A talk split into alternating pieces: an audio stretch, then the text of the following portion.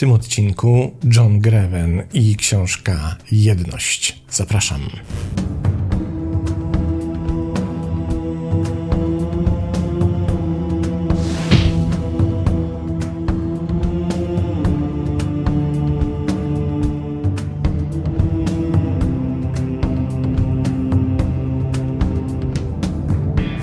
Razem jednak, zanim zaczniemy opowiadać o samej książce, taka mała uwaga, a właściwie dygresja. Otóż pewnie wy też tak macie, ale ja mam tak, że mam takie książki, które w moim przekonaniu są istotne, ważne i które trzymam na półce zarówno tej rzeczywistej, jak i wirtualnej półce, która nazywa się półka z tyłu naszej głowy.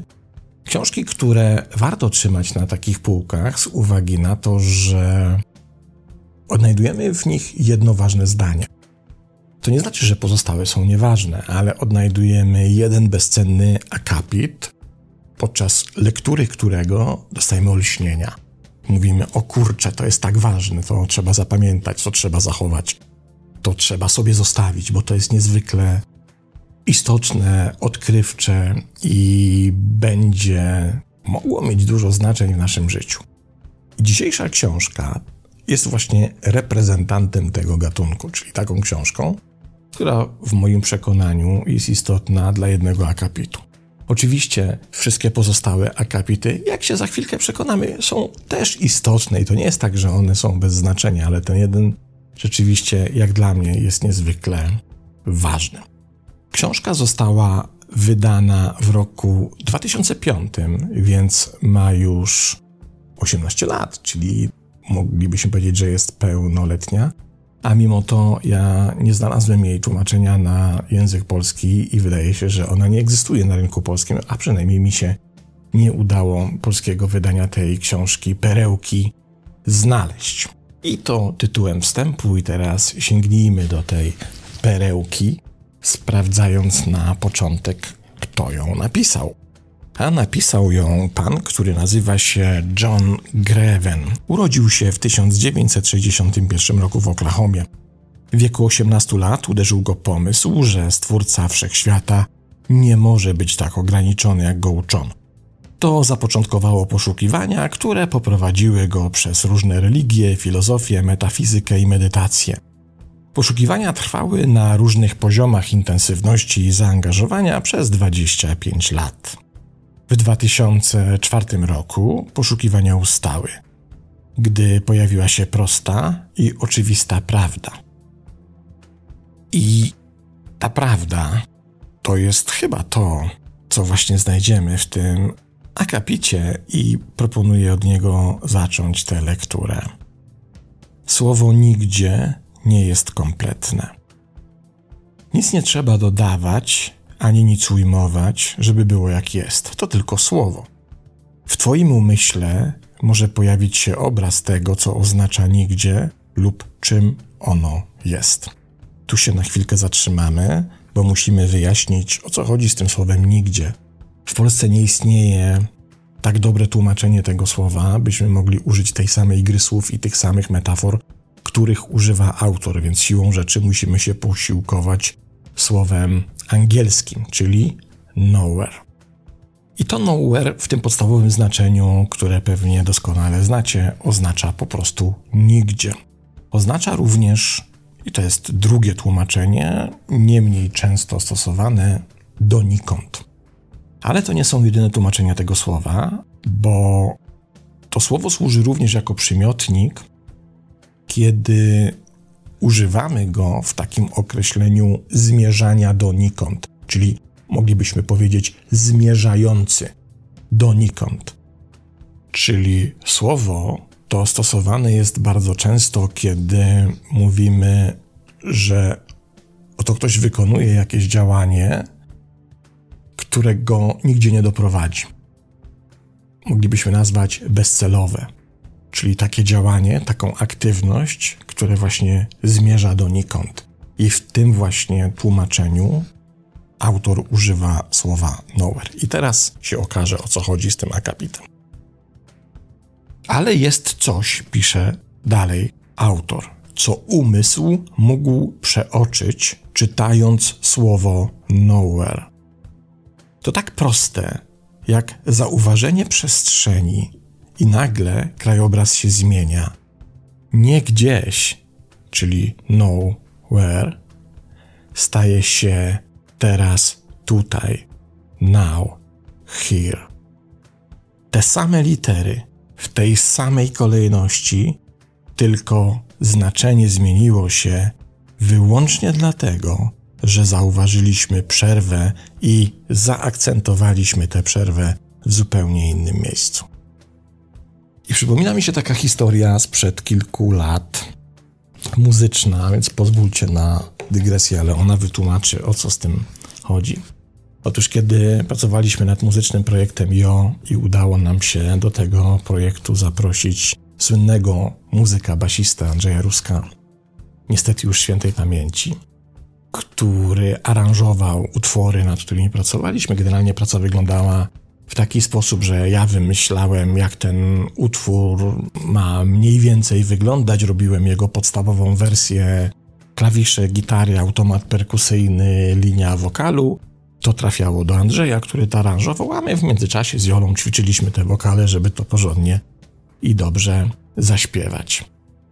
I w tych moich propozycjach czasem proponowałem, jak ma brzmieć jakiś instrument, i w jednym z utworów zaproponowałem linię basu. No i teraz sobie wyobraźcie, oto ja proponuję linię basu jednemu z najbardziej legendarnych basistów ever, czyli człowiekowi, który grywa jako sideman z wszystkimi możliwymi światowymi zespołami jazzowymi i muzykami jazzowymi, ilekroć przyjeżdżają na koncerty. No i teraz ja mu prezentuję, jak ja tę linię basu wymyśliłem i Andrzej mają ocenić, co dla mnie jest już w ogóle stresem. I wtedy słyszę słowa, które zapamiętałem po dziś dzień i które właśnie dotyczą tego akapitu. Andrzej powiedział mi coś takiego: Wiesz, muzycy sesyjni, których się zaprasza do udziału w jakimś projekcie muzycznym, którzy prezentują swoje umiejętności, bardzo chcą pokazać, jak potrafią grać. Więc kiedy grają jakąś partię instrumentu, to do tej partii wtykają maksymalną ilość i możliwość nut, żeby tam było gęsto, żeby to aż puchło od tego ich wirtuozostwa, mistrzostwa w graniu na swoim instrumencie. Ale nie na tym polega muzyka. Andrzej mówi: Nie musisz mi udowadniać, że potrafisz grać. Zagraj to, jak to czujesz, pamiętając, że prawdziwą muzykę tworzą przerwy pomiędzy nutami, a nie nuty. To przerwy są istotą tego, co przekazujesz. To one powinny skoncentrować Twoją uwagę, powinieneś być w pełni świadomy tego, co się dzieje pomiędzy nutami. I teraz sobie ten przykład przenieśmy na akapit, o którym pisze autor. Zobaczcie, jak żyjemy my bardzo często odmierzamy nasze życie, uznając, że takimi punktami kontrolnymi lub może najważniejszymi momentami są ważne kroki, istotne sytuacje, istotne zdarzenia. My żyjemy od do. I cokolwiek to jest, czy to są jakieś przedsięwzięcia długoterminowe, dalekosiężne plany, czy plan na jutro. Jutro zrobię to, pójdę tam, spotkam się z tym, pogadam z tym, a potem jak to zrobię, to zrobię coś kolejne i potem jak zrobię to kolejne, to zrobię jeszcze coś. Zwróćmy uwagę, to są te Andrzejowe nuty. My żyjemy od nuty do nuty. My dzielimy nasze życie takimi właśnie progowymi krokami, pomiędzy którymi się poruszamy, uznając, że to są istotne rzeczy w naszym dniu, naszym miesiącu, roku czy życiu. To trochę przypomina tarczę zegara. Wskazówka mija te czarne kreseczki oznaczające sekundy, ale pomiędzy jedną kreseczką czarną a drugą kreseczką czarną jest puste pole, które właśnie mija ta wskazówka. I życie, i to jest ten akapit, dzieje się w tych pustych polach. My bardzo często utożsamiamy nasze życie, myśląc o naszym życiu w kategoriach od do, od zdarzenia do zdarzenia, od sytuacji do sytuacji, od tego, co robię i jak to skończę, do kolejnej rzeczy, którą zacznę robić. Od spotkania do spotkania. Od tej kreseczki czarnej do kolejnej kreseczki czarnej. To tak jakbyśmy właśnie tworzyli muzykę będąc wirtuozami instrumentu i myśleli tylko o nutach, totalnie nie zwracając uwagi na przerwy pomiędzy nimi. To będzie chaos, to nie będzie muzyka, to nie będzie mogło być wartościowe. Ten genialny, jak dla mnie, akapit autora mówi dokładnie o tym samym. My przegapiamy to, co jest pomiędzy od i do. My pomijamy to, co się dzieje pomiędzy tymi krokami. My pomijamy to, co się dzieje pomiędzy słowami. A to tworzy życie. To tam jest wejście do oświecenia. To tam jest wyzwolenie, tam jest uwolnienie się. W tych właśnie przerwach, w tych pauzach, a nie w tych kluczowych momentach.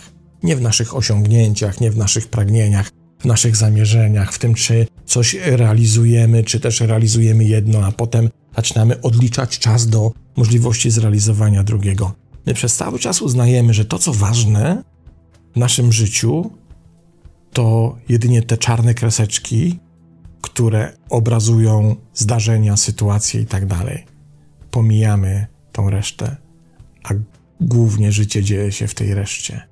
Głównie znaczenie ma życie w tych przerwach. To jest ważne. Jak ty spędzasz życie pomiędzy tymi kluczowymi momentami? Kim jesteś pomiędzy od i do? Kiedy już jest od, ale jeszcze nie ma do. Jak wypełniasz te przerwy? Co się dzieje w twojej głowie? Co się dzieje w twojej jaźni? Co się dzieje z twoją obecnością, z twoją świadomością? To jest kluczowe i to jest niezwykle istotne, i właśnie na to w tym swoim, jak dla mnie, akapicie absolutnie rewelacyjnym opowiada autor. Poczytajmy dalej. To, co proste i oczywiste, jest często pomijane lub brane za pewnik przez umysł. Patrzysz na stronę, na przykład książki, i widzisz słowa, ale nie widzisz odstępów pomiędzy tymi słowami. Oglądasz film lub program telewizyjny, nie zauważając, jak światło zmienia się, tworząc obrazy. Mówisz do siebie w myślach i zakładasz, że ktoś słucha. Umysł jest wyszkolony, aby skupiać się na treści. Czytając ten akapit, umysł sortuje, etykietuje i odrzuca to, co nie uważa za wartościowe. Być może umysł szuka czegoś w tych słowach. Być może istnieje oczekiwanie, które należy spełnić. Jednak gdyby ktoś cofnął się i zwrócił uwagę na coś w akapicie, możliwe, że zobaczyłby coś, co było tam przez cały czas, ale zostało przeoczone. Być może odpowiedź jest tuż przed nami przez cały czas. Jeśli podróżowałeś ścieżką przez jakiś czas, możesz wierzyć, że dzięki większej praktyce medytacji, wizualizacji, ulepszeniom lub nauce dotrzesz na szczyt góry. Ale ścieżki praktyki i ćwiczenia nie prowadzą na szczyt góry. Możesz zobaczyć, że sama góra i ścieżki, które ją przecinają, prowadzą tylko do siebie. Wędrując ścieżką, możesz się przekonać, że zyskujesz duchowy wzrost, spokój, szczęście, miłość lub inne cechy. Ale czy to naprawdę prawda z Twojego doświadczenia? Czy jesteś bliżej samorealizacji niż w dniu rozpoczęcia poszukiwań? Faktem jest, że jeśli poszukiwania nadal trwają, odpowiedź brzmi nie, nie jesteś bliżej. Gdybyśmy sobie wyobrazili, że życie to film i czas w nim płynący to film, który się kręci na rolkach projektora. To, co widzimy, to jest teraźniejszość, to, co się nawinęło na szpulkę jedną, to jest przeszłość, bo się nawinęło, już przeleciało przed obiektywem. To, co się rozwija i dopiero nadchodzi, to jest przyszłość.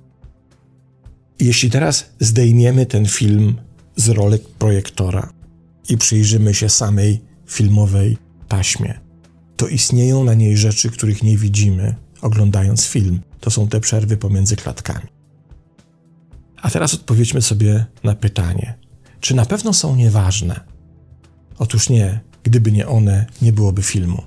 Gdyby nie te przerwy, to życie nie mogłoby się wydarzać. Gdyby nie to, co się dzieje pomiędzy od i do, nie byłoby życia. bo każde życie jest tak skonstruowane. I to, co autor mówi o czytaniu książek, odnosi się również do tak zwanych świętych czy też duchowych ksiąg. Znam naprawdę sporą ilość osób, które są oczytane we wszystkich możliwych ideach, tradycjach, wierzeniach, religiach, systemach, duchowych ścieżkach i o cokolwiek by ich nie spytać, to jak z rękawa rzucają cytatami. I oni przeczytali księgi. I to są uczeni w księgach. Tyle, że nie zwrócili uwagi na to, co tak naprawdę te księgi tworzy. Te księgi tworzone są poprzez przerwy między słowami. Tyle wynosisz z księgi, ile zrozumiałeś tego przekazu, który znajduje się w spacjach, nie w literach, w przerwach. Zobaczcie, gdzie to widać. Ile razy tak jest, że oglądasz jakiś film, czy też jakąś książkę, czy jakiś film dokumentalny, który ci się podoba, który do ciebie trafia. A potem mija jakiś czas i zauroczony tą lekturą, czy też tym filmem, wracasz do tego, by jeszcze raz się z tym dziełem zetknąć.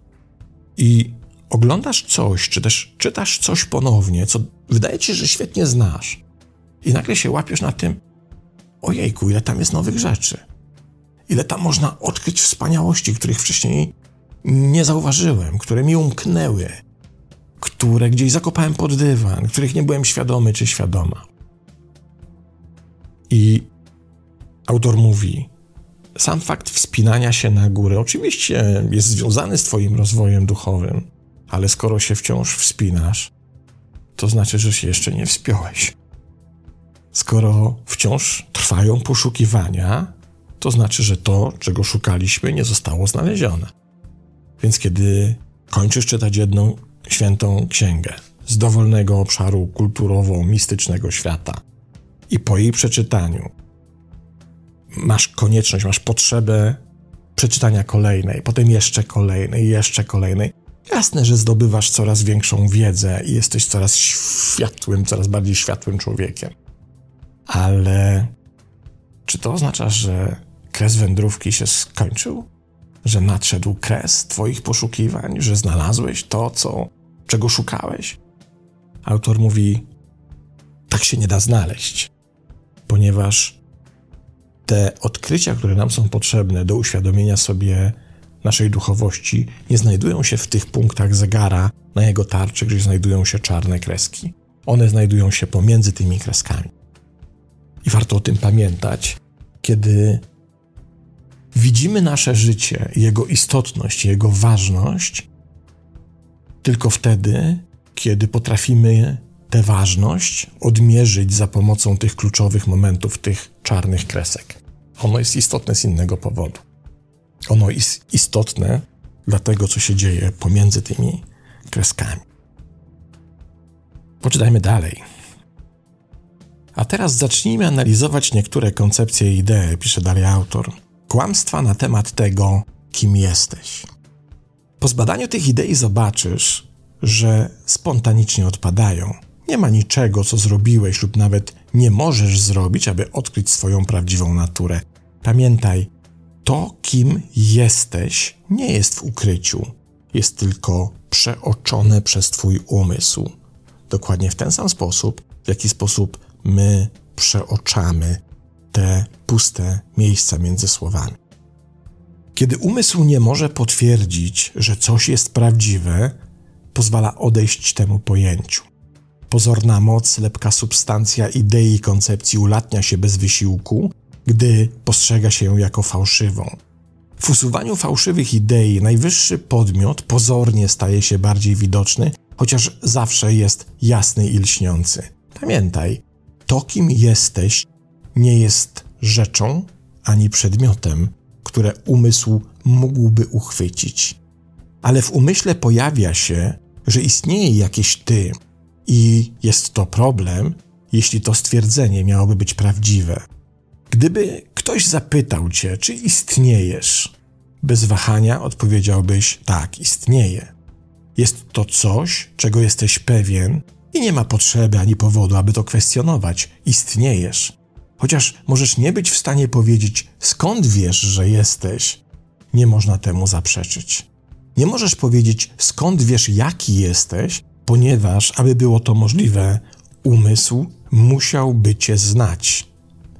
Możesz powiedzieć, jestem, ponieważ myślę, ale przecież przyjrzeliśmy się temu i możesz teraz zobaczyć, że nie jesteś tym, który myśli, nie jesteś myślicielem myśli. Ale nadal jesteś i nic nie można na to poradzić. Nic nie można o tym powiedzieć. W rzeczywistości powiedzenie czegokolwiek, aby udowodnić, że obecność istnieje, jest niemożliwe. Bycie nie zależy od niczego. Jest to niezaprzeczalne, ale po prostu brane za pewnik i pomijane w taki sam sposób, w jaki umysł pomija przestrzeń między słowami. W każdej chwili jesteś, niezależnie od tego, co się w danej chwili pojawia. Nawet myśląc, ja nie istnieję, jesteś. A co ze świadomością? Gdyby ktoś zapytał cię, czy jesteś świadomy, bez wahania odpowiedziałbyś tak, jestem świadomy. Jest to coś, czego jesteś pewien i nie ma potrzeby ani powodu, aby to kwestionować, ale to są tylko słowa.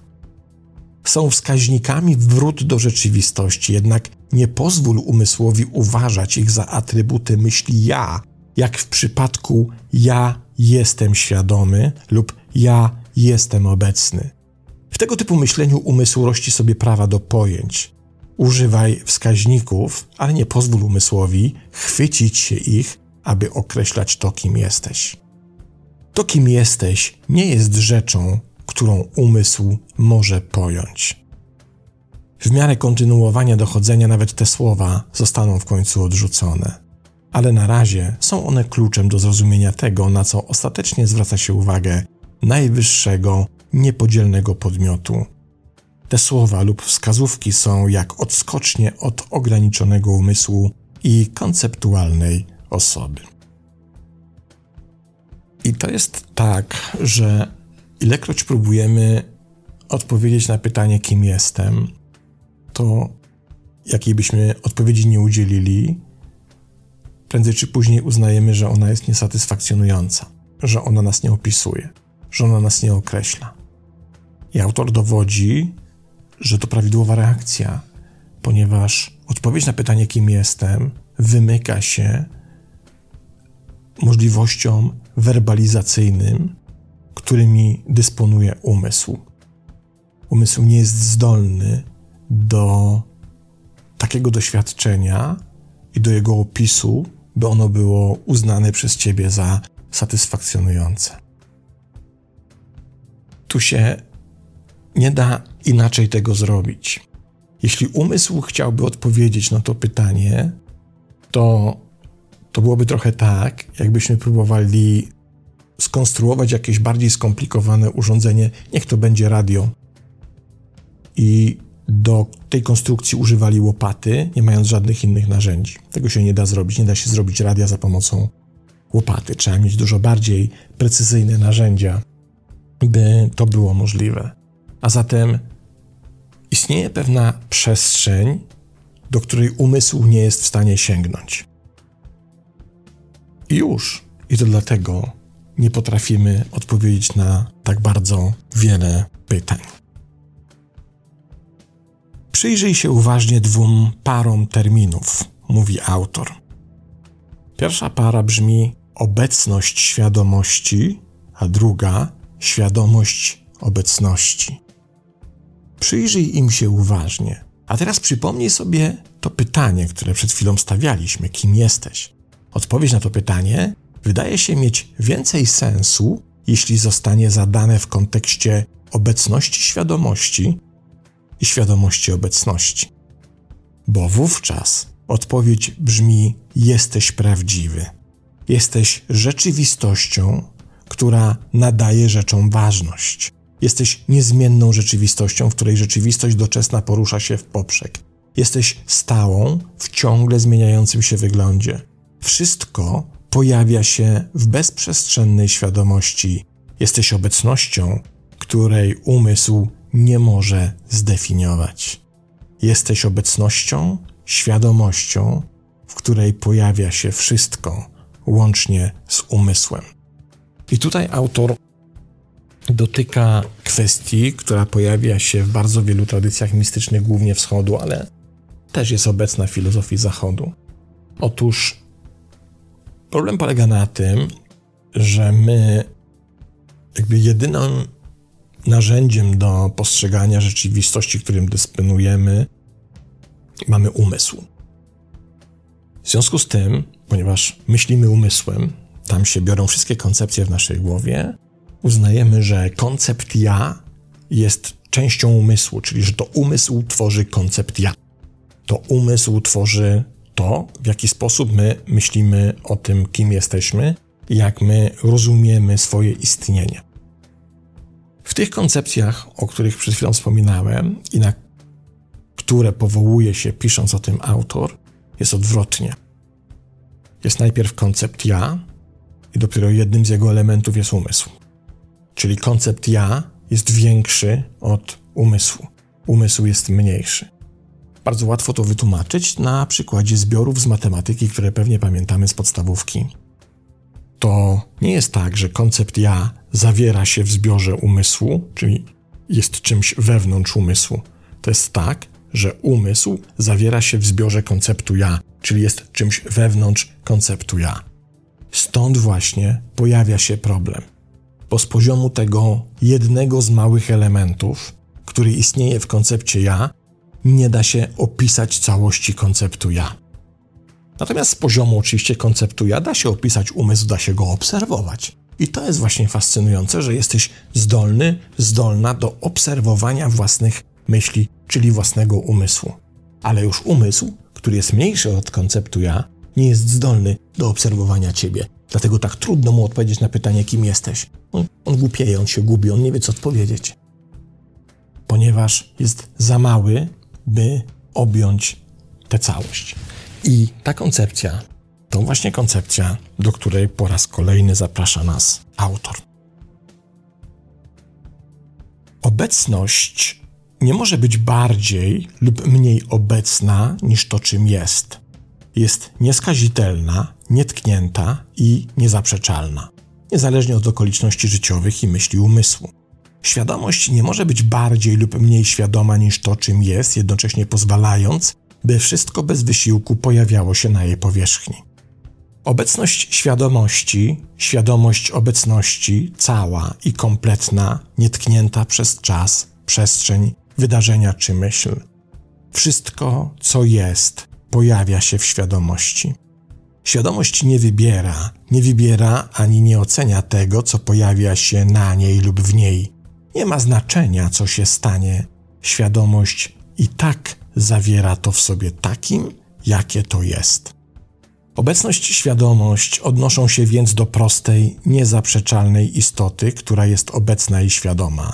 W ten sam sposób, jaki patrzyliśmy na obecność, świadomość, bycie wykazuje tę bezczasową, bezprzestrzenną jaźń. A zatem jedyną słuszną odpowiedzią na dylemat, kim jestem, jest odpowiedź: jestem świadomą obecnością i jestem jednocześnie obecną świadomością. I to jest niepodważalne. Cokolwiek się by nie wydarzyło, to nie znika w tej koncepcji. To jest ponadczasowe, ponadprzestrzenne. Było, jest i będzie. Już powoli się domyślamy, do czego autor zmierza, nie? Posłuchajmy ostatniego fragmentu. Po wyjściu z umysłu wszystkie ograniczenia się kończą. Nie ma początku ani końca, pojawiają się nieskończone możliwości i we wszystkim jesteśmy w stanie zobaczyć jedność. Umysł staje się sługą, jest używany zgodnie z przeznaczeniem, ale nie do definiowania tego, kim jesteś. Nie jest kwestią umysłu poznanie mistrza, ale kwestią mistrza jest poznanie umysłu. Obserwuj więc swój umysł z poziomu mistrza. Istnieje tylko jedność, jedno źródło ekspresji wielości. Niektórzy nazywają to źródło Tao, inni Bogiem. Ale istnieje wiele innych nazw, w tym również niepoznanych przez umysł, który wciąż wierzy, że je wszystkie stworzył. Ty jesteś tym źródłem. Teraz twój umysł się mocno zdziwił, kiedy zasugerowałem, że to ty możesz być Bogiem. Jednak mierząc pojęcia słowami, umysł nie potrafi tak tego przerobić, by to pojąć. To, czym jesteś, nie jest spersonifikowane, więc nie może stanowić obiektu rozpoznawanego przez umysł. Jesteś jednością zakochaną w iluzji istnienia, która jedynie jawi się jako personifikacja. W istocie spokój źródła jest Twoim spokojem. Miłość źródła jest również Twoją. Ponadczasowość, bezkresność, obecność w jedności to również Ty. I o tym umysł nie ma zbyt wiele do powiedzenia. Nie ma niczego do zdobycia ponad to, czym w istocie jesteś. Realizacja żadnych potrzeb i pragnień nie sprawią, że staniesz się czymś więcej niż już jesteś. Nic nie zdoła cię ulepszyć. Zarówno dla oceanu, jak i kropli nic więcej nie istnieje. Nie ma żadnej różnicy pomiędzy kroplą i oceanem, z wyjątkiem tych różnic, które tworzy umysł. Całe ludzkie cierpienie wynika z iluzorycznej identyfikacji. Źródła wiary, że może istnieć oddzielne self. Jedyną rzeczywistością jest jedność, a ponieważ istniejesz, ty jesteś tym. Z miłosnym przyzwoleniem na wszystko inne jesteś ponadczasową, bezkresną rzeczywistością. Tym zaś, który od zawsze precyzyjnie wskazują na tę oczywistość, składam niniejszym podziękowania, kończy autor swoją książkę. Czy trzeba mówić cokolwiek więcej? John Greven Jedność. Przepiękna książka i myślę, że bardzo szkoda, nie? że jej nie ma na rynku polskim, bo bardzo by się przydała dla wszystkich podróżników, którzy stąpają duchową ścieżką. Lektura obowiązkowa. To tyle. Pozdrawiam i do następnego razu.